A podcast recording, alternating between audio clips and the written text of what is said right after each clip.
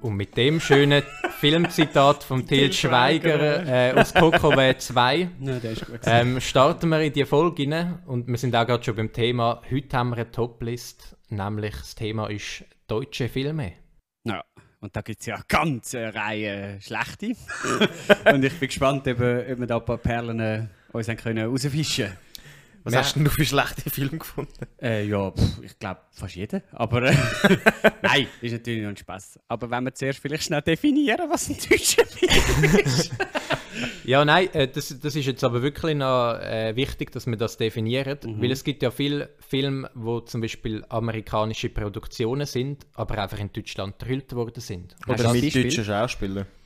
Ja, zum Beispiel, es gibt einen Film, der heißt, glaube Unknown Identity mit dem Lime Neeson und der ist in Berlin unter anderem gedreht worden. Das ist für mich kein deutscher Film. Nein, ganz klar nicht. Ne? Und Dings, ähm, hilft mir. Äh, in Glorious Bastards sind ja einfach zwei deutsche Schauspieler dabei, aber das ist auch kein deutscher Film. Das ist auch kein Ja. deutscher Film. Sobald irgendwie Nein. die Regie, Drehbuch, die Hauptproduktion deutsch ist, kann man glaube von einem deutschen Film ausgehen. Ja. Die Originalsprache in Deutsch ist. Teilweise bin ich mir auch nicht sicher gewesen. Es gibt einen Film, der heißt Das Parfum.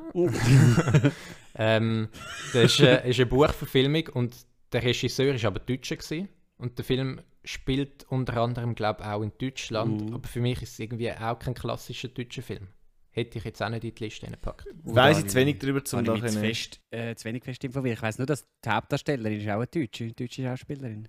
Ja, Das ist doch äh, die Helene. Verschau.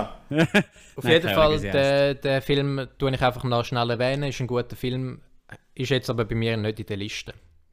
Ah, sind wir schon dort? was- Originalsprache aber Englisch. aber eben hauptsächlich, weil es für mich nicht wirklich ein klassischer deutscher Film ist. Ja. Es ist zwar ein deutscher Produzent, aber Originalsprache ist Englisch. Darum hätte- wäre ich jetzt der Meinung, ist es kein deutscher Film. Gut, dann belassen wir es bei dem. Du sagst es ja. Ja, dann kommen wir doch gerade zu unseren, was hat es nicht in die Liste geschafft, oder? Special Mention. Honorable Special Mention. Film, wo wir super finden, wo es aber leider knapp nicht in unsere Liste geschafft hat. Also super. Ja, dann, dann sind sie eben nicht super. Doch, Film, wo wir in Betracht gezogen haben, aber dann am Schluss gleich nicht in den besten fünf drin sind. ja, genau. Bei mir sind es trotzdem immer super Filme, die ich gerne schaue. Weil schlechte Filme würde ich ja nicht erwähnen. Wie das Special Das stimmt. Oder? Ja, das stimmt. Ja, da hat er einen Punkt. Also, Ein let's Punkt go. für den Michael. Soll ich anfangen? Ja.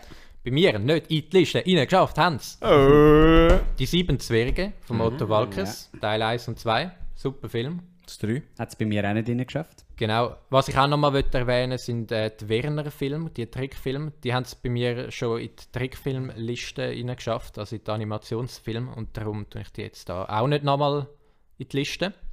Möchte ich aber gerne nochmal positiv erwähnen, ganz klar. Dann auch nicht reingeschafft hat es Raumschiff Surprise von Ja. Bully Herbig. Ah, ja. auch. Sehr geil. Welcher Film es auch nicht geschafft hat, ist, äh, ist Stromberg, der Film. Ah, ja. Der wäre jetzt bei mir gar nicht dort. Honorable Super. Film, hat es leider nicht geschafft. Und äh, De Lorient, der ist ja, äh, ist ja so ein deutscher Comedian, der hat auch äh, ab und zu mal einen Film Film. ist doch Franzose. De Lorient ist ein Deutscher. Da komme nicht ich jetzt reingeschafft, dazu, was ich bei dir behaupte, kommt drei. Und zwar ist das sicher Nein, mal wenn wir das nicht nachher, wenn die noch Otto's schnell... Eleven. Otto's kommt bei Eleven dir ist bei rein. mir in der Ist Liste. bei dir in der Liste. Vielleicht. Ganz klar. Ich sage nichts dazu. Ja, mehr, Also mehr wüsste ich nicht. Ich weiß nicht, was du für deutsche Filme kennst, gut findest. Ah, doch, Kiss, Kiss Bang Bang, oder wie heißt der? Das ist Boom Bang, Boom Film. Bang, irgendwie so etwas. Kiss Bang Boom, irgendwie so. Also bei dir ist äh, wahrscheinlich äh, drei Viertel von der Liste sowieso mal voll mit dem Bulli. Bulli Herbig. Aha. Und etwas vom Otto ist vielleicht auch noch drin. ich glaube, Otto's Eleven hat es bei dir auch noch drin geschafft. Also ich kann ja sagen, was es nicht geschafft hat. Bei mir eben auch Tramschiff. Ich muss, ich muss Surprise. sehr wahrscheinlich entschuldigen, der Lorio ist ein Deutscher. Einfach Sortisch-Französisch. Tut mir leid, Michael. Habe ich vorher nicht gesagt, Ja, aber ja. ja. Aber ich habe es dir nicht geglaubt. Ja.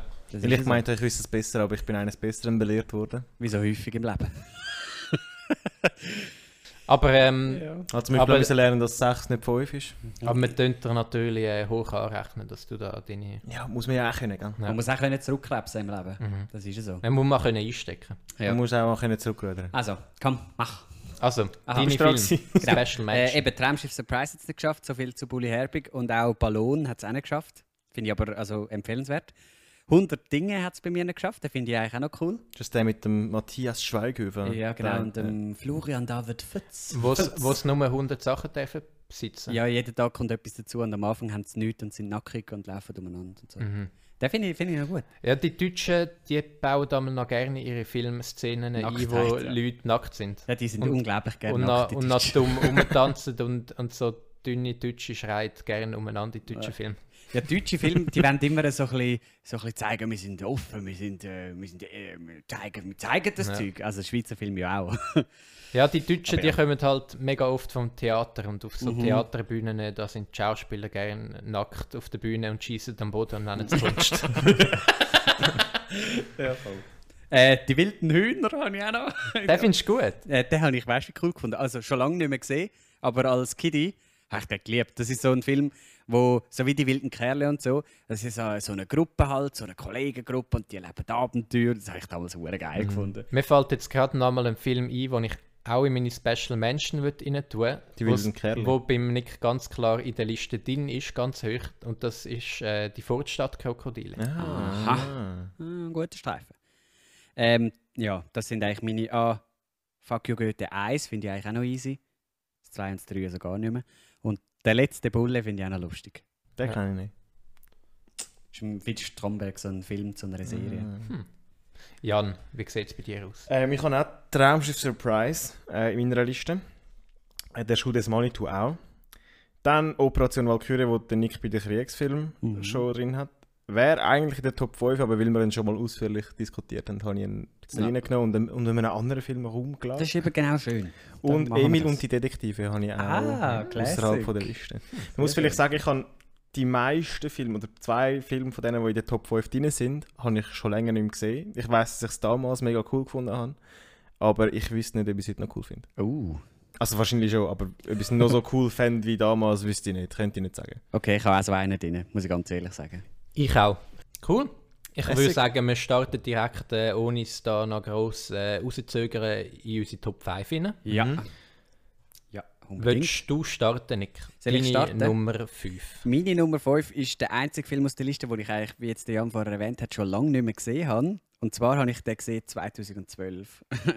Im, in dem Filmlager, wo wir uns kennengelernt haben. Nur halt bin ich ja ein Jahr vor euch schon dort gewesen. Und dort haben wir den Film Nordwand geschaut.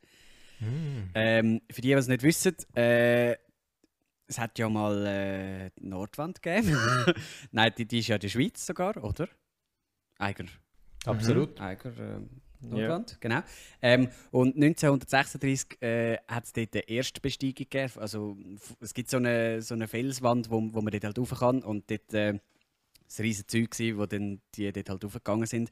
Und das ist äh, recht Drama. Und äh, ich mag mich eben auch nicht mehr an so viel erinnern, außer ein paar Bilder. Und ich weiß nicht, ich habe mega gefroren, als ich den Film geschaut habe. und es ist auch, also der Film ist auch kalt und die Leute sind ja auch ein bisschen am Verfrieren und so. Und es, ich habe ehrlich gesagt nicht so viel dazu sagen, aber ich weiß noch, dass ich ihn super gut gefunden habe. Mega schöne und eindrückliche Bilder. Ähm, die Figuren sind jetzt nicht wahnsinnig spannend, das weiß ich noch, darum ist er auf Platz 5. Aber mega eindrückliche Bilder und ist mir damals sehr näher gegangen. Ich weiss noch, ich habe damals auch so Kurs gemacht in denen, also so Filmkurs gemacht und die Leiterin hat ein Buch gehabt von dem Film. Und dann habe ich so Bilder gesehen, so die verfrorenen Leute und so. Mhm. Das habe ich auch mega eindrücklich gefunden, obwohl ich den Film nicht gesehen habe. Ja, ein krasser Film. Hm. Sehr heavy.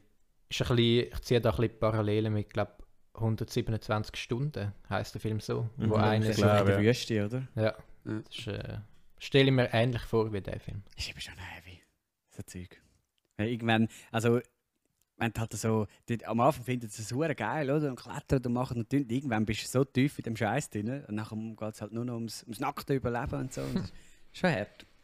Ja, das verstehe ich nicht, wieso man so geht, go Extremberg steigen. Nicht? So. ist doch so eine. So, da kommst du an deine Grenzen, lernst, lernst dich ein bisschen besser kennen. Es gibt Leute, die sind ein bisschen gemacht für das und es gibt Leute, die sind nicht gemacht für das. Aber habt ihr das noch nie das Bedürfnis gehabt, so ein bisschen an eure Grenzen zu stoßen im Leben?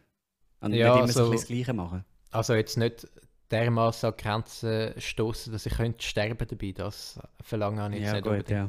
Das ist dann nochmal ein bisschen Bei mehr. mir ist ähm, das Fallschirmspringen und das Bungee-Jumpen auf der Liste irgendwann einmal. Ja, das gehört ja auch Aber dazu. äh, ja. das habe ich noch nie gemacht, aber äh, irgendwann ist das einmal äh, etwas, was ich gerne würde machen Ja, da gut. Und das Abseilen halt, wo man noch häufig machen in der Zefi, das ist auch etwas, wo du ein bisschen an deine Grenzen kommt. Vor allem als 8-jähriger Knopf, wenn du da so eine 80, 80 Meter tiefe, äh, hohe Brücke abseilst. Äh, ja, sowieso. So ein bisschen all das Waldzeug und dort irgendwie ein bisschen sein, geht auch ein bisschen mehr aus der Komfortzone raus. Mhm. Aber so Sachen sind danach sicher eigentlich. Wenn du dich abseilst und so, dann bist du ja angemacht. Ja klar, aber weißt du... aber ich kann ein Seil reissen, blöd gesagt. Es ist mehr ja. als daheim auf dem Sofa sitzen. logisch ja, ja, Aber genau, ähm, es soll ja gar nicht um das gehen. Äh, habt, ihr, habt ihr auch äh, etwas auf der Top 5? Nein, mein ähm. soll, soll ich, äh, willst du gerade weitermachen, Jenny? Mhm. Kann ich machen. Ich habe auf Platz 5 die Wille. Mm. Ähm, die, die es nicht wissen. Ähm, ist, glaube ich, ein deutscher Film, oder? Nein, ausnahmsweise, ich habe mich mal ausnahmsweise an die Regeln gehalten. Ja. ähm, es geht um einen Lehrer, der wo, wo in einer Projektwoche seinen Schülern so ein bisschen das Thema Autokratie und Diktatur möchte näher bringen und macht dann das Experiment mit den Schülern, dass er so eine Diktaturform aufbaut, wo er dann halt äh, der Anführer ist. Und es geht äh, dann darum, dass wer sich gegen die Bewegung, die die Welle heisst, wer sich gegen die, die Bewegung stellt, wird so ein bisschen zum Aussenseiter. Und eigentlich schon wie vorprogrammiert wird dann die Sache so langsam oder gerade dann langsam außer Kontrolle. Also die Welle ist sozusagen das Projekt von ihnen? Ja, ja, die Welle ist so die Bewegung, die der Lehrer gründet. Und es soll so ein bisschen an, das, an, an die Nazi-Bewegung halt anlehnen in dem Sinn. Also wie schnell man sich sozusagen kann genau, wie schnell, lassen. Genau, das, also das ist so am Anfang eigentlich die Grundfrage, so, kann das heute überhaupt noch passieren? Also Und was sich, was sich der Lehrer halt nicht oder überlegt hat, ist, dass dann die Schüler wirklich so schnell mitgerissen werden und das dann so schnell so geil finden. Ja, und er dann halt so ein bisschen Pferd aus der Hand verliert. Den ja. Film habe ich auch schon lange mal schauen. Hast du den noch nicht gesehen? Habe ihn noch nicht grandios im Fall. Er ist auch bei mir drauf, das muss ich ehrlich sagen. ich habe ihn jetzt ist es Zeit nicht gesehen, aber nicht so lange, dass ich es nicht mehr wüsste. Es ist sehr ein fesselnder Film, wirklich sehr spannend. Mhm. Und fangst du dann irgendwann auch selber an überlegen, was ist, wenn ich jetzt dort dabei gewesen wäre. Ja, voll. Komme ich dann auch unter die Räder irgendwie? Oder verwünscht es mich auch? Oder ja. denkst du, nein, ich doch ja, nicht. Genau. Das kann mir nie in Sinn. Aber wenn du dabei bist und so ein weißt, das ganze Schulhaus dann in dem drin ist mhm. und du bist dann der Einzige, ist dann schon schwierig, könnte ich mir vorstellen. Voll. Gerade so, wie sich sie entwickelt im Film, irgendwie musst du ja fast dabei sein. Ja. Aber ich finde es noch spannend, dass du das nicht erwähnt hast, dass das ja eine wahre Geschichte ist. Äh, Aha. Hast du das gar nicht gewusst? Ja. Ah. Das ist ein Experiment, das 1967 gemacht worden ist. Also ein Lehrer hat das eben mit, auch über den Zweiten Weltkrieg mhm. äh, ausprobiert und das ist auch völlig ausgeartet. Ja. Äh, und der hat dann ein Buch, glaube dazu geschrieben. Ja, es gibt The Buch. Third Wave. Es gibt im Fall immer noch so Experimente. Ich habe letztens so eine NZZ-Akzentfolge gelost. Das ist ein Podcast, wo immer so 15 Minuten geht. Ähm, und ich weiß jetzt aber nicht mehr in welchem Land, aber da gibt es auch so einen Lehrer, der das mit den Schülern so macht, irgendwie, ich glaube über die Augenfarbe, äh, irgendwie, dass Leute irgendwie dann mit blauen Augen irgendwie ausgeschlossen werden oder so. Ja, da habe ich auch so ein Experiment so, mal gesehen. Ja. Das ist, äh, ist noch spannend, was sie darüber erzählen. Gibt es nicht auch eine Netflix-Serie irgendwie, wo The Wave heißt oder so? Oh, es gibt zu Die Welle gibt es auch eine Serie, die ist letztes oder vorletztes Jahr rausgekommen. Die heißt aber, glaube ich, Die neue Welle oder so. Und oh, ja, genau. Katastrophe. Gut, ich habe sie nicht geschaut, dem Fall. Katastrophe. Oh, die verhunzen eigentlich die ganze Geschichte. Also meiner Meinung nach. Ich finde es Katastrophe. Gibt es auch einen englischen Film? Also einen amerikanischen? Ja, ja, voll. Also der ist aber auch, der ist uralt. Ja. Halt der erste Film, der rausgekommen ist zu dem Thema. Aber ja, finde ich mega krass, dass es halt eine wahre Geschichte ist. Mhm. Also. Micha? Ich mache gerade weiter mit meiner Nummer 5. Und zwar ist das der Film Antibodies. Das mhm. ist äh, ein deutscher Thriller. Ich finde, es gibt ganz wenig deutsche Filme, wo, also, wo in die Richtung gehen, die so ernst und äh, halt so Thriller-mäßig sind, wo, wo ich gut finde. Meistens machen die Deutschen ja so ein bisschen Dramas oder Komödie und so. Mhm. Ähm, dort geht es darum, dass zufälligerweise so ein Serienmörder gefasst wird in Berlin. Ähm, und es gibt dann in einem Dorf hat es so einen Mordfall gegeben und irgendwie gibt es dann so einen Zusammenhang mit dem Mordfall und dem Serienmörder. Und der Dorfpolizist, der geht dann nach Berlin, geht den Serienmörder einmal befragen und so. Und der Serienmörder ist so richtig äh, also Psychopath und der, wie soll ich das sagen, spielt so richtig mit ihm, also so mit seiner Psyche und so. Ja. Und äh, auch das ganze Familienleben leidet dann darunter und es sind so geile Dialoge und irgendwie äh, ist so geil geschrieben, die, die Geschichte und die, ähm, die Plot, Plot Twists. Mhm. Aber besteht der Film eigentlich nur aus diesen Gesprächen oder ist das einfach der erste nein, nein, Teil? Nein, nicht nur, also es ist einfach ein großer Teil vom Film, dass ja. er immer Aber wieder... es zieht sich durch den ganzen Film und es ist nicht irgendwie, dass der Genau. dann irgendwie noch vor Gericht kommt oder so. Nein, nein, also der ist immer im Gefängnis und äh, der, der spielt richtig mit seiner Psyche, der macht ihn richtig fertig, aber es ist mega kennt man den, spannend kennt man den. Schauspieler? Ähm, der Schauspieler ist, glaube ich, recht bekannt in Deutschland. Soll ich schnell nachschauen, wie er heißt? Gern. Also, ähm, ich habe jetzt schnell nachgeschaut, wie die Schauspieler heißen. Äh, die, die Hauptperson, der Polizist, der da ermittelt, der heißt Wot, Wotan Wilke Möhring. Ah, ich weiß, das ist ein Tatortkommissar. Ich glaube, ich glaub, der Serdar so ein- Samuncu hat mal mit dem ein Interview gemacht. Das ist so ein Name, den der Serdar gerne ausspricht. ich, bin, ich sitze hier mit dem Wilke Möhring, der Marlene Dietrich, Allee Das ist 33 so Potsdam. So ein kleiner, oder? Das ist relativ ein kleiner. Ja, das Der passt noch in so eine Polizeirolle. Und äh, der Böse, der ist auch grandios gespielt vom Andre Hennecke. Ah, der sagt mir etwas. Ja. Sagt mir sagt mir nicht. jetzt weniger etwas. Und dann, ja, also der Film ist richtig spannend und du denkst dir, krass, äh, was der mit dem im Kopf anstellt. Kann man Also, gut analysieren. Ja, es ist so, ich finde es ist mega geil geschrieben. Mhm. Grosse Empfehlung. Muss ich mir dem vermerken. Und eben, es ist ein Thriller, was es nicht viel Gute davon gibt in Deutschland. Kannst du noch mal schnell sagen, wie er heißen tut? Antibodies. Antibodies. Antikörper könnte man ihn auch nennen. Aha, Genau. gut. Auf Deutsch. Ist aber, genau, ist, hat einen englischen Titel, aber auch einen deutschen, glaube ich, irgendwie. Aber es ist wirklich ein deutscher Film. Super. Dauer. Sehr geil. Wir machen direkt weiter mit Nick seiner Nummer 4. Meine Nummer 4 ist, äh, ist der Film Der Fall Colini. ist Ah, ein, äh, ist, äh, äh, ein Gerichtsdrama mit dem Elias äh, Mbarek. In, der, in der Hauptrolle äh, und ist eine Buchadaption. Äh, und der Elias Mbarek spielt so einen jungen Anwalt, der irgendwie gerade seine Lizenz bekommen hat und so. Äh, und der äh, wird Pflichtverteidiger von, äh, von einem Mörder. Ähm, und das Opfer, also wo er ermordet worden ist, der, der Elias Mbarek, der kennt die Person. Das ist irgendwie so ein bisschen wie ein Vater für ihn. Und darum ist er so ein bisschen voreingenommen und will eigentlich den Fall nicht annehmen.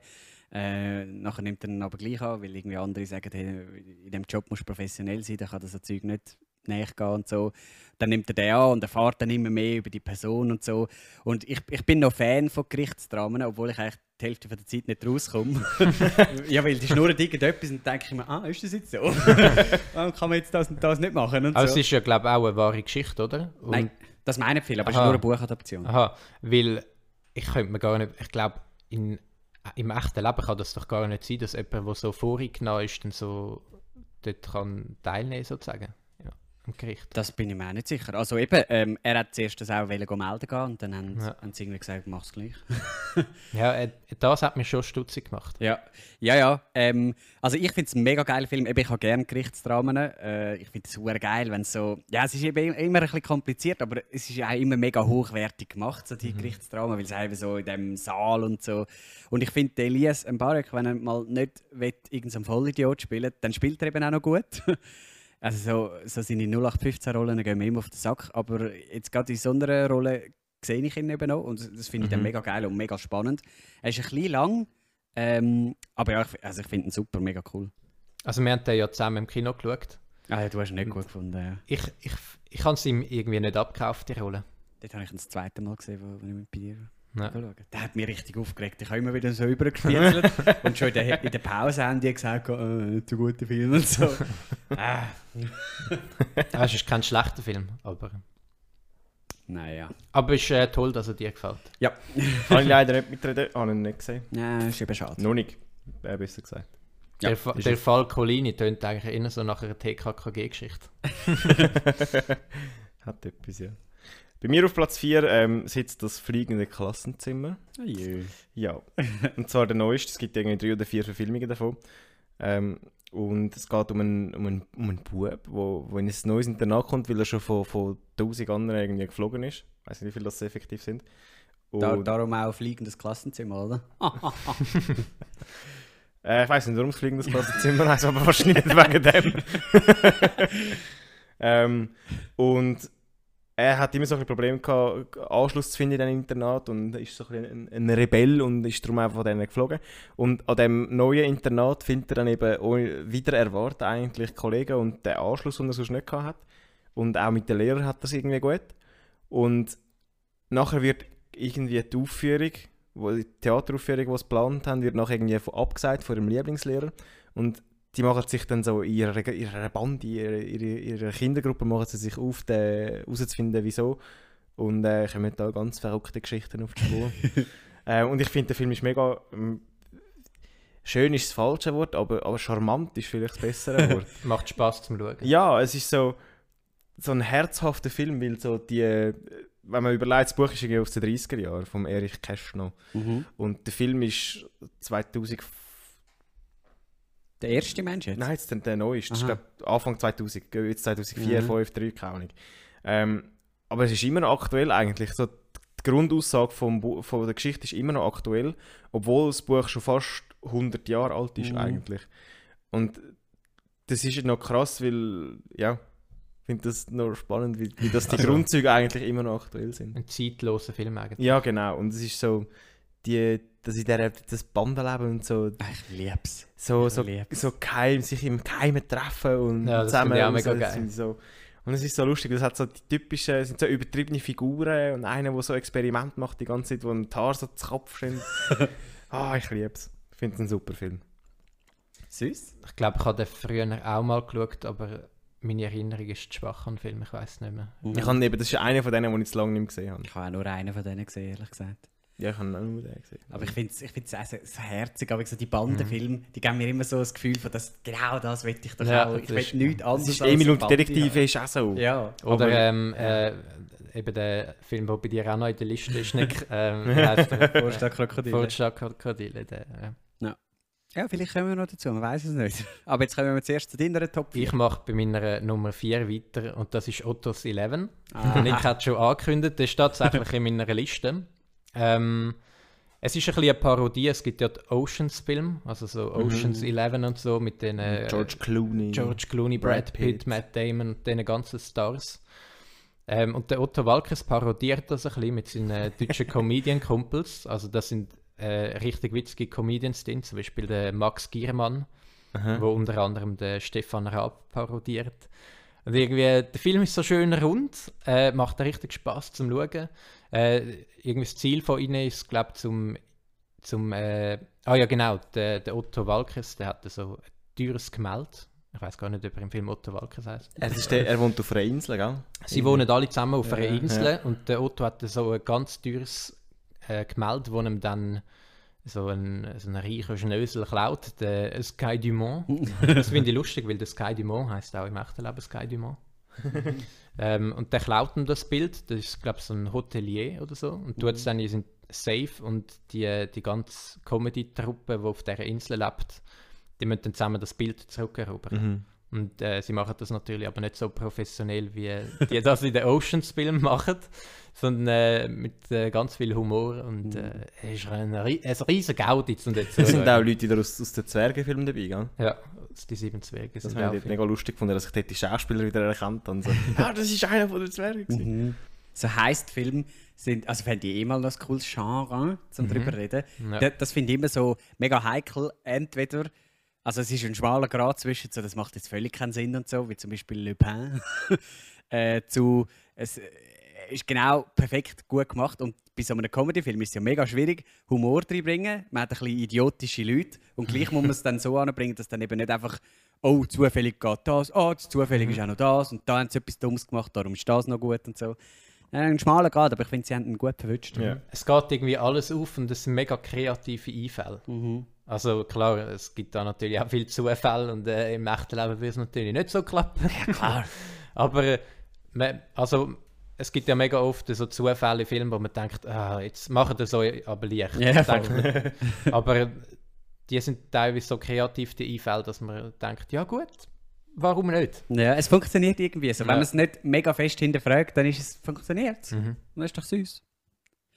Ja, äh, zu meinem Platz 3 können wir nicht mehr viel sagen. Die Welle, äh, wir haben es gesagt, äh, finde ich einen grandiosen Film, wirklich cool. Kann ich nicht mehr dazu sagen. Du alles gesagt genau. worden? Ja. Ich habe das Original leider nicht gesehen, die amerikanische Version. Ich auch nicht. Ähm, Aber der ist, ist der gut? ich Also, weiß es ja nicht. Aber ich meine, hat der gute Bewertung? Ah, Kommt der keine gut? Ahnung. Man muss nur vielleicht schnell erwähnen, das haben wir vorher nicht gemacht, wir haben ja gesagt, es ist nachher eine wahre Geschichte, aber der Film spielt in der heutigen Zeit und nicht wie das Original von Das ist die 1967, äh, sondern äh, interpretiert in die heutige Zeit auch mit Social Media und allem. Ja, genau. Genau. Gut, also 2008 Social Media damals. Ja. Also Noch mal ein bisschen Facebook und MSN. ja, genau. StudiVZ. Ab und zu noch. MSN. Ja. Jen- Jenny, deine Nummer 3. Ja, meine Nummer 3 ähm, ist Napola. Elite für den Führer. Napoleon. Napola. Keine. Napoleon. Sagt mir Äh, können wir eigentlich auch bei einem Kriegsfilm einordnen. Mhm. Ähm, Napola ist die Abkürzung für Nationalpolitische Erziehungsanstalt. Uh. Und was das schon hervorruft, das spielt in den 40er Jahren, also Zweiter Weltkrieg. Ähm, es geht um einen Jugendlichen, wo, der heißt Friedrich. Ähm, der wird von einem, so einem Anstaltsleiter, so einem, so einem Typ bei einem Boxkampf entdeckt und kommt durch das dann eigentlich in die Erziehungsanstalt rein. Sie tun dort so eine Elite-Schule irgendwie, wo so ein dann halt auch auf Propaganda berührt, dass man die Jugendlichen so ein bisschen ausbildet und für den Krieg parat macht. Also geht es um die Hitlerjugend? Ja, genau. Also nicht Mhm. eine Hitlerjugend vielleicht nicht, aber es geht so ein bisschen, dass man die Jugendlichen in Anführungs- und Schlusszeichen für das sensibilisiert und ein bisschen Mhm. auf das gickerig macht. ähm, also, noch ganz, okay, nein, ich frage nachher. doch, fragst Aus welchem Jahr ist der Film? äh, 2004. Ah. Ähm, und hat dort den deutschen Filmpreis für bestes Drehbuch gewonnen. Du hast eher ältere Werke genommen in deiner Liste, hä? Ich schaue nicht so viele deutsche Filme, muss ich ganz offen zugeben. Also. Und ähm, die neueren, die ich gesehen habe, so «Fuck ja Goethe» und so, finde ich nicht so Ja, gut. nein, die nein, haben es nicht mal in meine Honorable Mentions hier geschafft. Ähm, das Problem ist, dass sein Vater müsste eigentlich, weil der Bub noch 17 ist, müsste den, den Fötzel unterschreiben, dass er an die Schule darf. Nur ist der Vater halt sehr regimekritisch. Oh. Und der Bub will unbedingt an die Schule, weil er halt ähm, ihm wird halt versprochen, dass er ein bisschen boxen kann. Und äh, das ist halt so ein bisschen das, das Elite-Teil, wo man halt so ein bisschen möchte und so und so ein bisschen das reinkommt. Ähm, und dann fälscht er halt die Unterschrift und kommt gleich an die Schule. Ähm, und was sich so ein bisschen durch den Film herauskristallisiert ist, ist, dass für den Bub selber ist so ein bisschen das Zwischenmenschliche, was er erlebt, die neuen Freundschaften, die sich bilden und so, sind für ihn mega wichtig und möchte eigentlich mega auf denen aufbauen und lässt sich mega von dem mitreißen. Aber die Schule sieht ihm seine Zukunft halt eher, dass er so ein, ein Aushängeschild wird für, für, für das Nazi-Deutschland als, als Boxer und will ihn auf das ausbilden. Also ihn als Schüler selber. Ja, also es Ja. ist eigentlich eine Schule, wo geboxt wird Ja. und das ein bisschen trainiert wird. Ähm, und das wird dann halt je länger, je mehr zum Konflikt für ihn selber und auch für die Schule. Ja. Und was ich am Film gut, also cool finde, ist, ähm, dass er halt eine mega starke Geschichte erzählt von so einem Bub, der so ein bisschen sich selber findet und so ein bisschen mit halt sich selber muss wieder neu hinterfragen und so ein bisschen kritisch mit gegebenen Sachen umgehen. Äh, der Film äh, ist gemischt angekommen allgemein. Es wird ihm vorgeworfen, dass er nicht Geschichte aufarbeitet, sondern einfach eine Geschichte erzählt ähm, und so ein bisschen auf die Emotionen pauken um, umhaut. Wie halt ein deutscher Film so das gerne macht. Äh, ich weiß noch, als ich ihn geschaut habe mit etwa 14, 15, ich habe ihn absolut grandios gefunden, aber ich weiß nicht, ob ich ihn heute auch noch absolut grandios oder einfach nur noch gut finde. Ähm, ich weiß, dass ich ihn damals im Geschichtsunterricht beim Abschluss als, als Film eingebracht habe, um den als Abschluss zu schauen. Ähm, aber ähm, Ist nicht Aber ihr habt den Simpsons geschaut. nein, ich weiß nicht, was wir geschaut haben. Aber äh, ja, ich finde es ein absolut guter Film. Das klingt noch spannend. Ja. Ja. Würde, würde ich auch gerne schauen. Sehr schön, Also danke für das. mal schauen. Bitte gerne. Ich Ich jetzt leider keine PowerPoint-Präsentation gemacht. Ähm, ich mach sonst gerade mit meiner Nummer 3 weiter. Und Sehr zwar gern. ist das TKKG äh, ein Fall für Drachenauge. Jetzt muss ich ganz schnell schauen, ob ich, ob ich das richtig. Nein, er heißt einfach nur, nur Drachenauge. Ein Fall für TKKG, Schrägstrich T Drachenauge. Ah, herzig. Süß. Ist eine Realverfilmung. Aha. Nein, Nach einer ähm, wahren Geschichte? ist keine wahre Geschichte. Ich, ähm, es ist ein recht alter Film. Also es gibt ja verschiedene TKKG-Filme. Es ist, glaube ich, 2019 der neueste rausgekommen oder so. Mhm. Ähm, es gibt noch irgendwie eine Gemini-Maschine, der ist irgendwie so 2008 oder so rausgekommen. Ähm, und der, ein Fall, also ein Fall für TKKG Drachenauge ist 1994 rausgekommen. Also ist ein recht alter Film. Hoppla schon. Ähm, und es geht eigentlich darum, über einen Zufall entdecken sie so ein unterirdisches uraltes Labyrinth, wo so Kreuzritter irgendwie damals einen Schatz versteckt haben. Und es gibt so Inschriften, wo irgendwie auf den Schatz deuten und sie müssen dann so ein bisschen die Rätsel lösen. Aber sie sind natürlich nicht die Einzigen, die das machen. und es gibt auch mega viele Fallen äh, unter dem Labyrinth und so. Und eben, dann gibt es noch Böse, die auch hinter dem Schatz her sind. Also es ist, glaube ich, so ein Schwert, was sie suchen. Oder einfach ein Schatz allgemein. Mhm. Spielt ja nicht so eine Rolle. Ähm, was ich mega geil finde an dem Film, ich kann, es ist halt so ein Kindheitsfilm von mir. Den, mhm. den verbinde ich mit so Kindheitserinnerungen. Weil ich bin so ein riesiger TKKG-Fan war. Ähm, und irgendwie so, ich fühle mich auch so in eine Zeit zurückversetzt, in der ich gar nicht gelebt habe. die, das die, hast du schon mal gesagt bei irgendeinem Film. Ah, wo ist jetzt das? Nein, das ist, ähm, als ihr das zweite aufgenommen habt, haben ihr das irgendwann mal ah. gesagt. Ah. Na gut. So nostalgisch mit so Uhu-Geräusch, glaubst du, auf einem Campingplatz. Ah, ja, das könnte noch sein, ja. Nein, ich so lachen, was das gesagt ah, die, die sind irgendwie, ich, ich finde sowieso mega spannend, so das Mittelalterliche, was, was die früher so gemacht haben, die, die Ritter und so. Mhm. Äh, das finde ich mega geil. Das, ist so... Gemeint, das Mittelalterliche, was sie so 1994 gemacht haben. nein, nein, nein. äh, ich finde es so mega spannend, wie das früher so, so war mit den Rittern und finde es dann spannend, wie es so die Rätsel lösen. Ich finde es aber gleichzeitig auch mega cool, die sind so im Internat und so. Und ich habe mir, als ich den Film geschaut habe, so mega gewünscht, ja, ich will auch in einem Internat leben. Mit denen ist es so mega geil. Und nachher klettert es äh, in der Nacht aus dem Fenster raus, um in die Höhle gehen. Und mhm. das habe ich mega geil gefunden. Ich habe gedacht, ich will auch ins Internat und dort so... Und dort ausbrechen. dort so das vierte dann in der Nacht ausbrechen und so Rätsel lösen und so, so geile Abenteuer erleben. Der alte das Wunsch nach einer Jugendbande. so ja, ja. Abenteuer erleben. Also es ist ja, der Film ist so richtig äh, geil. Man muss aber auch sagen, du bist ein TKKG-Fan. Ja, das habe ich ja vorhin gesagt. Ja, ja vorhin genau. gesagt. Ja, habe ich nicht zugelassen. Ja, vorhin gesagt. Ich habe auch äh, als Kind meine eigene TKKG-Bande gehabt. du und deinen Brüder, oder? Ja, und noch einen anderen Kollegen. ähm, dann Sehr haben wir geil. später eine andere Bande gegründet, äh, die Schweinebande. ja, ja, die gute alte Zeit, das ist meine Nummer 3.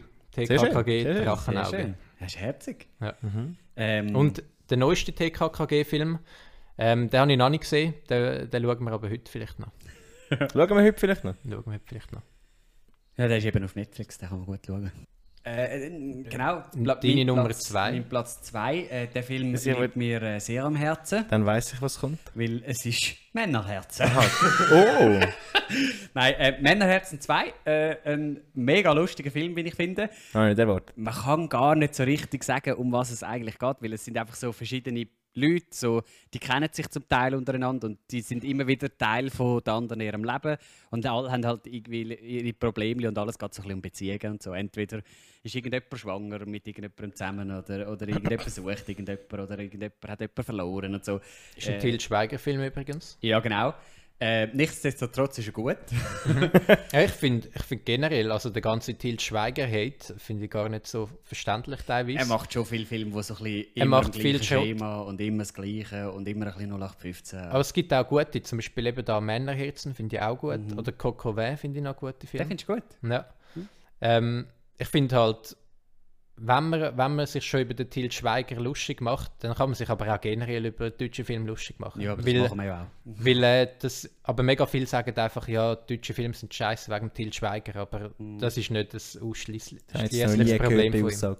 Aber ja, es hat schon etwas, so ein deutscher Film hat, ist automatisch ein Til Schweiger hat. Ja. Aber eben, ich finde, er macht viel zu viel Film, weil nur etwa jeder dritte oder vierte finde ich jetzt persönlich gut und alles ja. andere ist so ein bisschen schnell gemacht, irgendwie. Mhm. Aber gut, ich meine, er muss natürlich seine, seine Kinder auch nutzen, solange es noch herzig ist. Sonst muss halt wieder was Neues her. ähm, genau. Männerherzen, vielleicht eine kleine Anekdote dazu. ähm, ich habe früher, wo meine Eltern sie haben immer am Sonntagabend, glaube ich, ist ja Tatort, oder? Mhm. Äh, haben die immer Tatort geschaut. Und ich wollte eigentlich gut, gut, gut Nacht sagen. Und dann ist ein doofe Tatort halt damit gelaufen. Dann bin ich halt auch noch schnell stehen geblieben im Türrahmen und dann ein paar Minuten später sitze ich auch auf dem Sofa und schaue die ganze Folge mit. Und meine Eltern haben das immer so ein bisschen zugelassen, habe ich noch cool gefunden. Also sie haben schon einmal gesagt, komm Nick, geh ins Bett. Fünf Minuten später bin ich neben ihnen gesessen und habe gefragt, weißt du jetzt das? und, ähm, Ich, ich, wenn ich das gemacht habe, bin ich immer möglichst ruhig gewesen, damit sie mich vergessen. ja, voll, das habe ich auch gerne gemacht. Ja. Ich glaube, meine Eltern ich würde heute, das hast du früher nicht können, aber würde heute auf Pause drücken, so, gehst du ins Bett. Ah, gemein. Das ist asozial. Ich habe mich teilweise hinter dem Sofa versteckt, damit ich nachher ein bisschen Film mithören Ich habe das immer super gefunden, so go, go Film mitschauen. Also, ja, ich habe früher, als ich noch nicht 12 war, haben wir äh, daheim schon die, die Harry Potter Sammel-DVD-Box gehabt, von 1 bis 6. Und mein Vater hat die damals geschaut am Abend. allein? Ja, meine Mutter ja auch.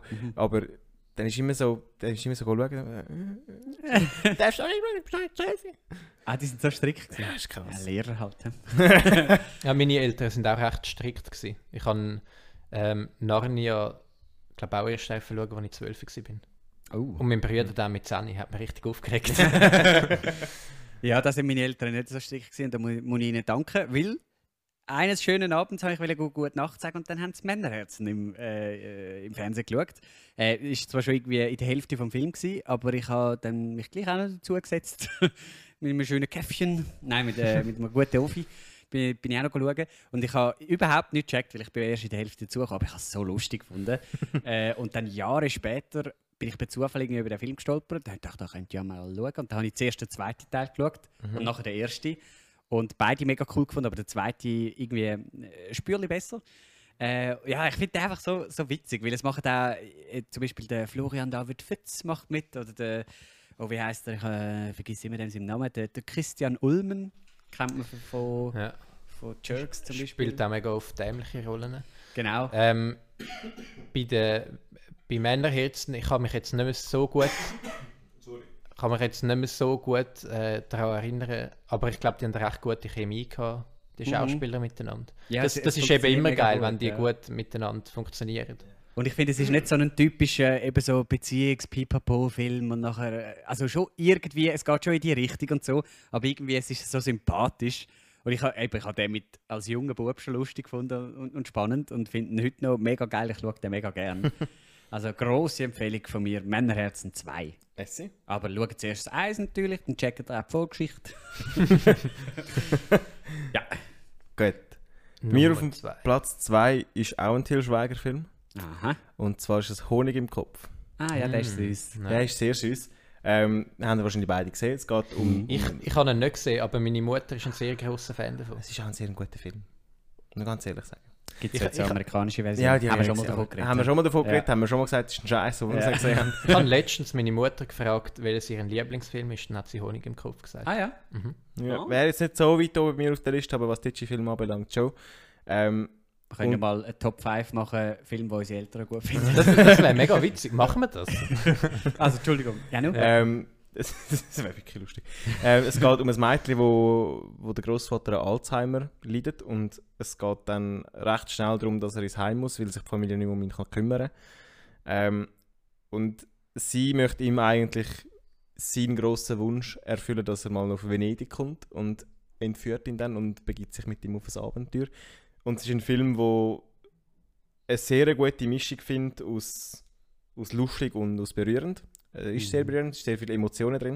Ich glaube, tendenziell eher emotional als lustig, würde ich jetzt Ja, behaupten. es ist schon Also, beides drin. Der Film macht sich aber irgendwie trotzdem nicht über Krankheit Überhaupt lustig. nicht, Nein, nein. kein Aha. bisschen. Ähm, er ist sehr direkt, was Krankheit, Alzheimer und, oder Mhm. Demenz anbelangt. Also er nimmt nicht irgendwie so, ja, und dann ist er vielleicht so halb, sondern das, das spricht es wirklich an. Und ich finde einfach, der Dieter Haller wurde so ein dummy Mhm. guter Schauspieler. Ja, voll. Und gerade dort in dieser Rolle brilliert er so gut. Und ich finde ihn einfach auch in seinen Sketches, wo man ihn auch kennt, so gut und so lustig. Und ähm, ja, sehr schöner Film. Mega emotional. Ist bei dir nicht auf der Liste? Ähm, ist bei mir nicht auf der Liste. Hätte ich eigentlich gedacht, dass der bei dir auf der Liste ist. Ja, ich kann ihn ein bisschen vergessen. Ich tue ihn nicht Honorable Mentions. Aber äh, nein, ich finde ihn auch mega gut, ja. Ja. Ähm, sehr emotional, ja. Genau. Und auch da äh, ein guter Til Schweiger-Film, genau. Mhm. Da haben wir es nämlich wieder. Obwohl Til der Til Schweiger finde ich, Er nuschelt zwar im Film. ja, Was und Zeit recht macht. extrem, finde ich. Ich finde es bei Coco Vä, wo wahrscheinlich noch kommt, fast schlimmer. Und was ganz schlimm ist, in den Tatort, wo er mitspielt. Er ist ja ein Tatortkommissar. Ja. Und das sind eigentlich die besseren Tatorte, weil es so ein bisschen Action drin hat und so ein bisschen etwas passiert. Der ist so extrem, wie er einfach undeutlich redet. Du musst auch zurückspulen, um zu wissen, was was hat er jetzt gesagt? Ah, was? Ja.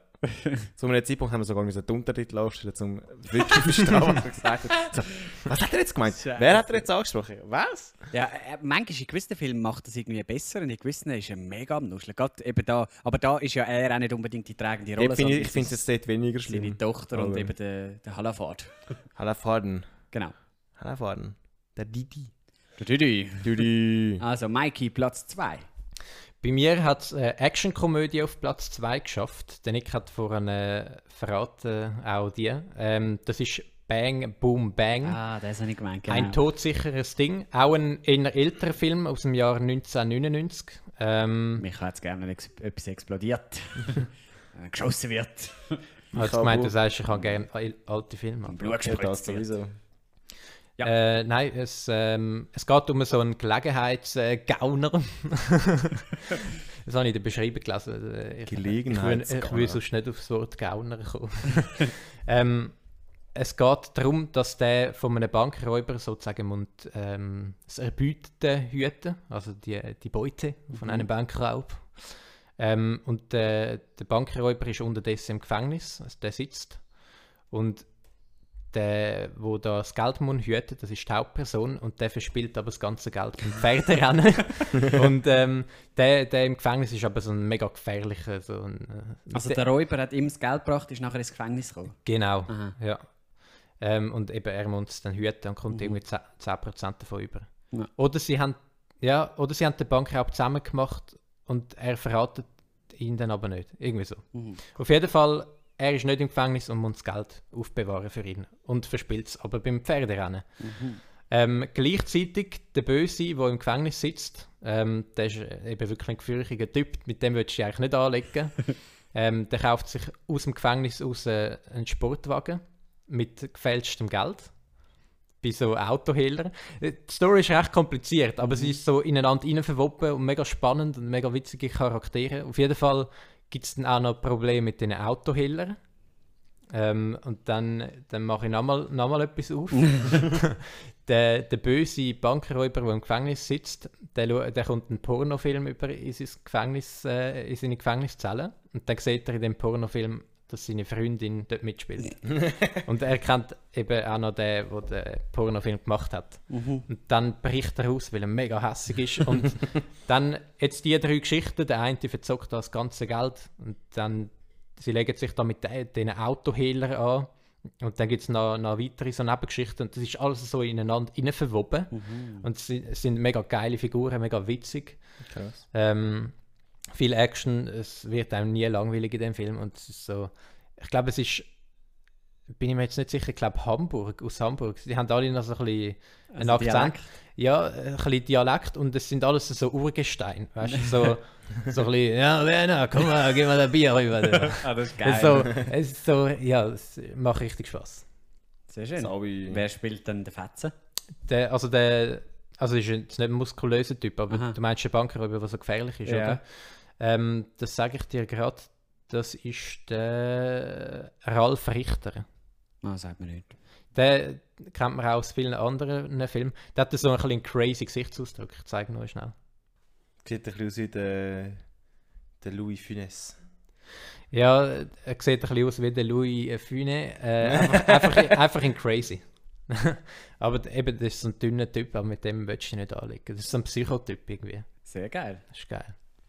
Ähm, wir kommen schon zu unserer Nummer 1, oder? Ja, wir wenn sind wenn schon ich so mich da jetzt nicht erzählt habe. Ah, Nick, äh, freue mich drauf. Das Nick, macht Spaß. jetzt, ist jetzt darfst du sagen, dass, worden. dass das Vorstadt-Krokodile der dein Lieblingsfilm ist von Ja, der Deutschen. ähm, Vorstadt Krokodile ist tatsächlich auf Platz 1 und ist nicht nur äh, im Bereich deutscher Film mein Lieblingsfilm, sondern allgemein von allen Filmen, die ich je gesehen habe, gehört er zu meinen Top-Filmen.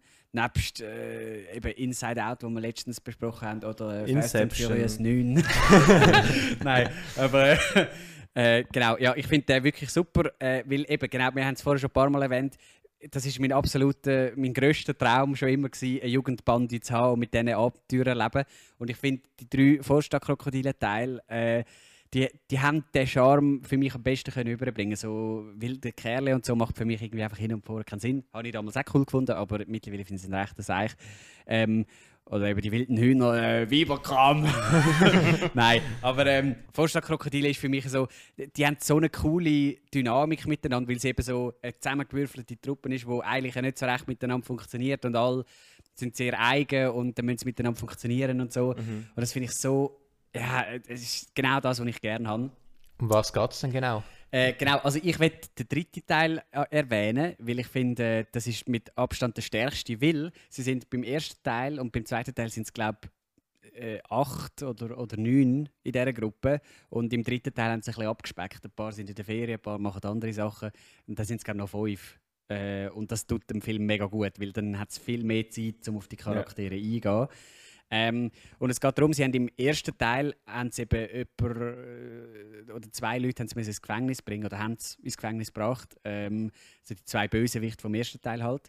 Und der eine ist der, der ältere Bruder von einem von denen aus dieser Gruppe, also von der Vorstadtkrokodile. Äh, und im dritten Teil verletzt sich der von der Vorstadtkrokodile. Also der kleinere Bruder verletzt genau, sich. Genau, der, der, in der Gruppe ist, ja. der verletzt sich und braucht dann irgendwie äh, äh, Leberspende oder so. Äh, und es kommt, weil, weil dem sein Vater ist Alkoholiker, kommt eben nur der Bruder in Frage, der im Gefängnis ist. Und dann geht es so ein bisschen darum, äh, den aus dem Gefängnis rauszuholen. Und an und für sich äh, könnte man jetzt eben auch wieder denken, oh, was ist sehr weit hergeholt und Jugendliche, die den aus dem Gefängnis rausholen und so. Aber ich finde es ein mega nahbarer Film. Irgendwie so, mhm. irgendwie, klar, macht nicht alles so einen Sinn, aber es stört auch nicht, weil es irgendwie weil es nicht mega übertrieben ist und so, sondern so ein bisschen, ja, so eine Vorstadt, die so ein bisschen so Zeug hat halt und so.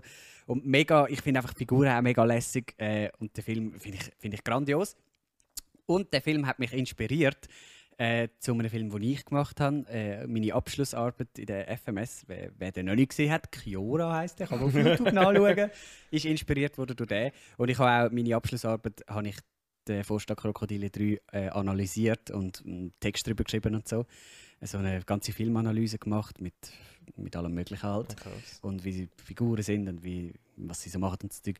Genau, und darum habe ich da irgendwie so äh, Verbindung zu dem Film. Und der, ich meine, ich schaue den irgendwie alle halb Jahre. Ich finde das so lässig. Und dann wünsche ich mir immer wieder, eben so mit den anderen Jungs aufs Velo hocken äh, und dann irgendwo etwas erleben und so. Und, genau. Und zum Gefängnis ausbrechen. Ja, es ist so geil.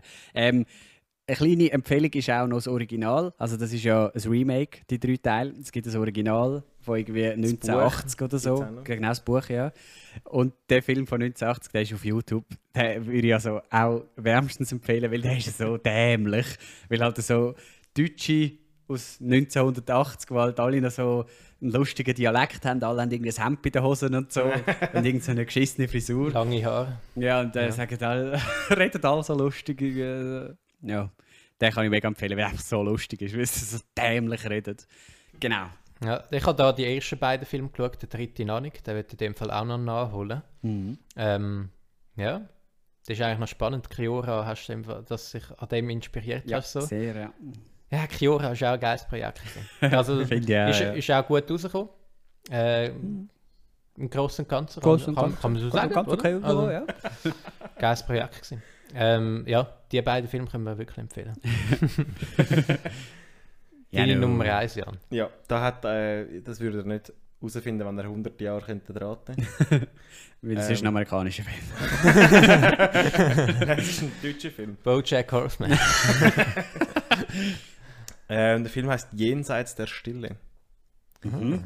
Ist aus dem Jahr 1996. Ist ein, ist ein Drama. Und zwar geht es um, um eine Familie, wo die Lara, das Mädchen, ist die Hauptperson und sie ist Tochter von gehörlosen Eltern. Und Lara lernt seit klein auf, also beherrscht die Gebärdensprache und muss, so ein bisschen, um, um sie den, den Leuten näher zu bringen, siehst ein paar Szenen, wie sie für ihre Eltern amigs mitgeht, geht dolmetschen. Zum Beispiel geht sie auf die Bank mit für, für irgendwelche Kreditgespräche und geht sie am Elterngespräch, muss sie auch dolmetschen und tut dort amigs ein bisschen verdrehen, was sie sagt und so. Ähm, ah, das ist immer noch kreativ. Und der Twist ist dann eigentlich, dass sie ähm, eine Klarinette geschenkt bekommt. Ähm, ich habe gerade gedacht, du wolltest das Ende erzählen. Logisch nicht. Und sie kommt dann so ein bisschen in das rein, sie entdeckt so ein bisschen die Welt von der Musik für sich und der Film baut eigentlich darum auf, dass sie so ein bisschen in eine Welt hineingezogen wird, wo ihre Eltern keinen Bezug dazu haben. Ah, weil sie nicht hören. Weil sie nicht hören. Und der Witz, äh, der Witz, sie ist eben mega talentiert, wie sich herausstellt. Und ihre Eltern kommen das alles gar nicht mit über. Ah, das ist noch spannend, talentiert, ja. dass sie eigentlich ist. Und sie will dann irgendwann als Konse, als, Konse, als Konservatorium Klarinette studieren. Und es fängt dann so ein bisschen an, die Familie scheint dann so ein bisschen auseinanderzubrechen. Mhm. Und viel mehr will ich eigentlich gar nicht dazu erzählen. Ähm, zum einen ist halt wieder, wie auch Honig im Kopf, hat es so mega, äh, mega, nicht mega viel, aber es hat mega lustige Szenen drin, wie halt die Szene auf der Bank, wo sie so muss übersetzen Oder am Elterngespräch, wo sie halt dann das vertreibt, was die Lehrerin erzählt. Ähm, Erkennt man dann das an den Untertitel? Oder? Gewährt, ja, wahrscheinlich. hm, Ich nehme es an. Ist jetzt auch ein, ist einer von diesen zwei Filmen, die ich länger nicht gesehen habe, wo ich wieder mal sollte schauen, schon lange. Oder man Ähm, hört so ihre Gedanken. Gedanken und Nein, sie, nein, ich sie glaub, dann so, hm, schon- jetzt verarsche ich meine Eltern hier. ich sage ihnen einfach, ich bin gut in der Schule, okay? Oh, das wird lustig. das wäre lustig. Sie Okay. hören ja nichts. Aua, ja. Eins, zwei, drei und los. Also, Nein, ich nehme schon, an, dass es mit Untertitel gemacht ist. Ähm, und auf der anderen Seite ist es dann halt auch sehr emotional. Ähm, und darum ist auch wieder ein guter Misch, wie es da gefunden ist. Ähm, und der Abschied von der Kindheit und so ein von dem, was man kennt, ist auch so ein bisschen im Zentrum. Weil sie ist ja so ein bisschen ähm, in dem Ding sind, dass sie für ihre Eltern muss da sein und ihnen helfen, weil sie muss übersetzen. Und sie möchte eigentlich aber mehr in die Musikwelt ab. Mhm. Und so ein bisschen der Konflikt, der da das lässt sich nicht so gut vereinen. Genau, Ihren das ist Traum nicht und, äh, noch schön, ja. Ähm, ich habe den Film zweimal gesehen, aber es ist gleich etwa fast schon 10 Jahre her. Ah, Ja, nicht was? 10 Jahre, aber ungefähr. Ich glaube, mit 13 Jahren habe ich das letzte gesehen. Als junger Bub. Als junger Du, Bub. du hast doch gerne. Dramas mit schönen Momenten. Ja, Mhm. das ist, äh, wenn es gut gemacht ist, äh, kann man mich dort gut abholen. ähm, ja, wirklich sehr zu empfehlen. Habe ich den DVD daheim? Können wir ähm, sonst gerne noch einen Filmabend machen. Schöne DVD-Abend machen. Du, wir müssen noch ganz viele Filme schauen, wir drüben. Wir machen, mal, wir machen mal eine Woche, wo wir nur Filme schauen, das sind nicht Top 5. Ja. Finde ich gut. Mega Man können wir dort auch noch schauen. Ja. Voll, Ja, sehr gerne, ja, unbedingt. Ja gut. Äh, So, dann Micha? bleibe eigentlich nur noch ich übrig mit meiner Jetzt muss Nummer aber 1. etwas kommen, als krönender Abschluss. Und Ja. das ist Jerry Cotton. Kenn ich nicht. Kenn ich Oh. Doch Nick, wir haben mal zusammen angefangen und nachher die DVD hat irgendeinen Sprung drin gehabt und dann haben wir nicht können fertig schauen. Nein. Ähm, der Jerry Cotton ist, glaube ich, eine amerikanische Figur. Also es sind so mega viel so... Aber wir haben aber gesagt, deutsche Filme. Es ist ein deutscher Film. Aber es ist so eine amerikanische äh, Romanfigur. Ich glaube, das ist so ein bisschen so ein Schundroman, wo man da so ein bisschen in der Freizeit liest, so am Strand, wenn man so schnell im Kiosk ein Buch kauft. Schundroman. Ja, das sind... Weißt, du, so Schundroman ist etwas anderes. Ja, weißt du, es gibt irgendwie 300 Bücher von dem. Ähm, und das ist aber eine deutsche Verfilmung. Äh, In der Hauptrolle der Jerry Cotton spielt der Christian Tramitz. Äh, Ah, ja. das, der spielt, glaube ich, auch bei, bei ähm, Ding mit. Ähm, Traumschiff Surprise die Hauptrolle. Voll. Das ist der, oder? Der spielt die Hauptrolle. Die, eine weitere grosse Nebenrolle ist auch der Christian Ullmann, der auch eine dämliche Rolle spielt. Jawohl, jetzt sagt man es aber langsam etwas. Es geht darum, der Jerry Cotton, der arbeitet beim FBI, glaube ich. Ähm, und, ah ja genau, der Film tut so, glaube ich, als er würde jetzt in Amerika spielen. Nein, jetzt, jetzt sage ich etwas Falsches. Ähm, auf jeden Fall, es geht darum, dass der Jerry Cotton halt beim FBI schafft und ihm wird aber ein Mord angehängt, also einem Puppenspieler. Also so, also nicht wortwörtlich Puppenspieler, aber so, der, der ist überall so im Aha, kriminellen so ein, Business. So ein Fadenzieher. Ja. Genau, so ein Fadenzieher. Und der leitet ihn sozusagen rein und dann wird der Jerry Cotton am Mord verdächtigt. Und dann ist er sozusagen auf seinen dämlichen FBI-Kumpan, den Christian Ullmann, angewiesen. Mhm. Und der ist aber mega dämlich. Und äh, ich, ich habe nicht so gern, wenn der Christian Ullmann so blöde Rolle spielt, aber dort finde ich es echt noch witzig. Ähm, Männerherzen findest du nicht gut? Das ist zu lang her. Ich Ja. habe es damals cool gefunden. Ich weiß nicht, wie ich es jetzt finden. Auf jeden Fall, der, der äh, Christian Ullmann ist so ein FBI-Frischling und äh, die schließen sich dann zusammen und erleben da riesige Abenteuer, während da die Bösen äh, müssen halt zur Strecke bringen. Mhm. Was ich mega cool an dem Film finde, ist der Look. Weil normalerweise du erkennst, wenn du im, im Fernsehen irgendeinen Film siehst, ohne Ton, sofort, ob es ein deutscher Film ist. weil die Deutschen haben einfach das Color Grading nicht drauf. Das Color Grading bei, so. bei deutschen Filmen ist meistens, du erkennst, dass es ein deutscher Film ist. Weil, Vielleicht weil der Bully Herbig mitspielt. ja, das, das liegt ja nicht nur am Color Grading, aber so, sondern auch halt an den Lichtverhältnissen im Land. Weil wenn du in Miami einen Film drüllst, dann hast du halt einfach schon mal das geilere Licht, Ja. als wenn du es irgendwie in Berlin bei grusigem Wetter musst filmen. Aber da muss ich jetzt die Deutschen in Schutz nehmen, sie werden besser. Es gibt sehr viele... Äh, es ist Sie lang sind sich nicht am mehr so schlimm Verbessern. wie früher. ja. Ja, ich glaube, durch die Globalisierung werden es langsam ein Ja, bisschen ja, besser. früher ist aber wirklich alles hat genau gleich ausgesehen, einfach alles Ja. hell. Ja. Aber äh, ich meine, meine Eltern schauen mega oft so deutsche Fernsehfilme und das ist Gut, das so. ist nochmal etwas anderes. Da, da könnte ich auch mit dem Camcorder ohne, ohne Color Grading das schaffen. ähm, aber Jerry Cotton hat wirklich einen coolen Look und äh, das Gefühl, der Film spielt in Amerika, obwohl er glaube ich eben in Deutschland spielt. Und äh, coole Action-Szenen. Es macht Spaß zu schauen. Sehr geil. Sehr Das ist immer, ist immer mein abschließendes Zitat, es macht Spaß zu schauen. Macht Spaß zum Das finde ich jetzt cool. Jetzt haben wir ein paar Filme, die ich selber noch nicht gesehen habe, Mhm. äh, die wir noch nachholen Ich habe das jetzt ehrlich gesagt recht schwierig gefunden, fünf deutsche Filme zu finden. Ich habe einen Film nehmen, den ich früher halt gesehen habe Mhm. und musste auf das zurückgreifen. Ich habe lange Emil und die Detektive noch drin gehabt, bei der Top 5 Liste, bis ich dann gemerkt habe, ah, ich kenne doch noch einen, einen deutschen Rechtsfilm. den Ich habe. Ja, ich habe es jetzt eine Herausforderung gefunden, da fünf deutsche Filme zusammen zu schustern, wo ich kann sagen kann, das sind fünf, wo ich dahinter stehe. Ah. Aber Ich, ich, so wahrscheinlich haben wir jetzt irgendetwas noch vergessen. Was ja noch lustig ist eigentlich, du hast Mühe gehabt, fünf gute deutsche Filme rauszusuchen und ich, han- ich finde auch nicht so viele deutsche Filme gut.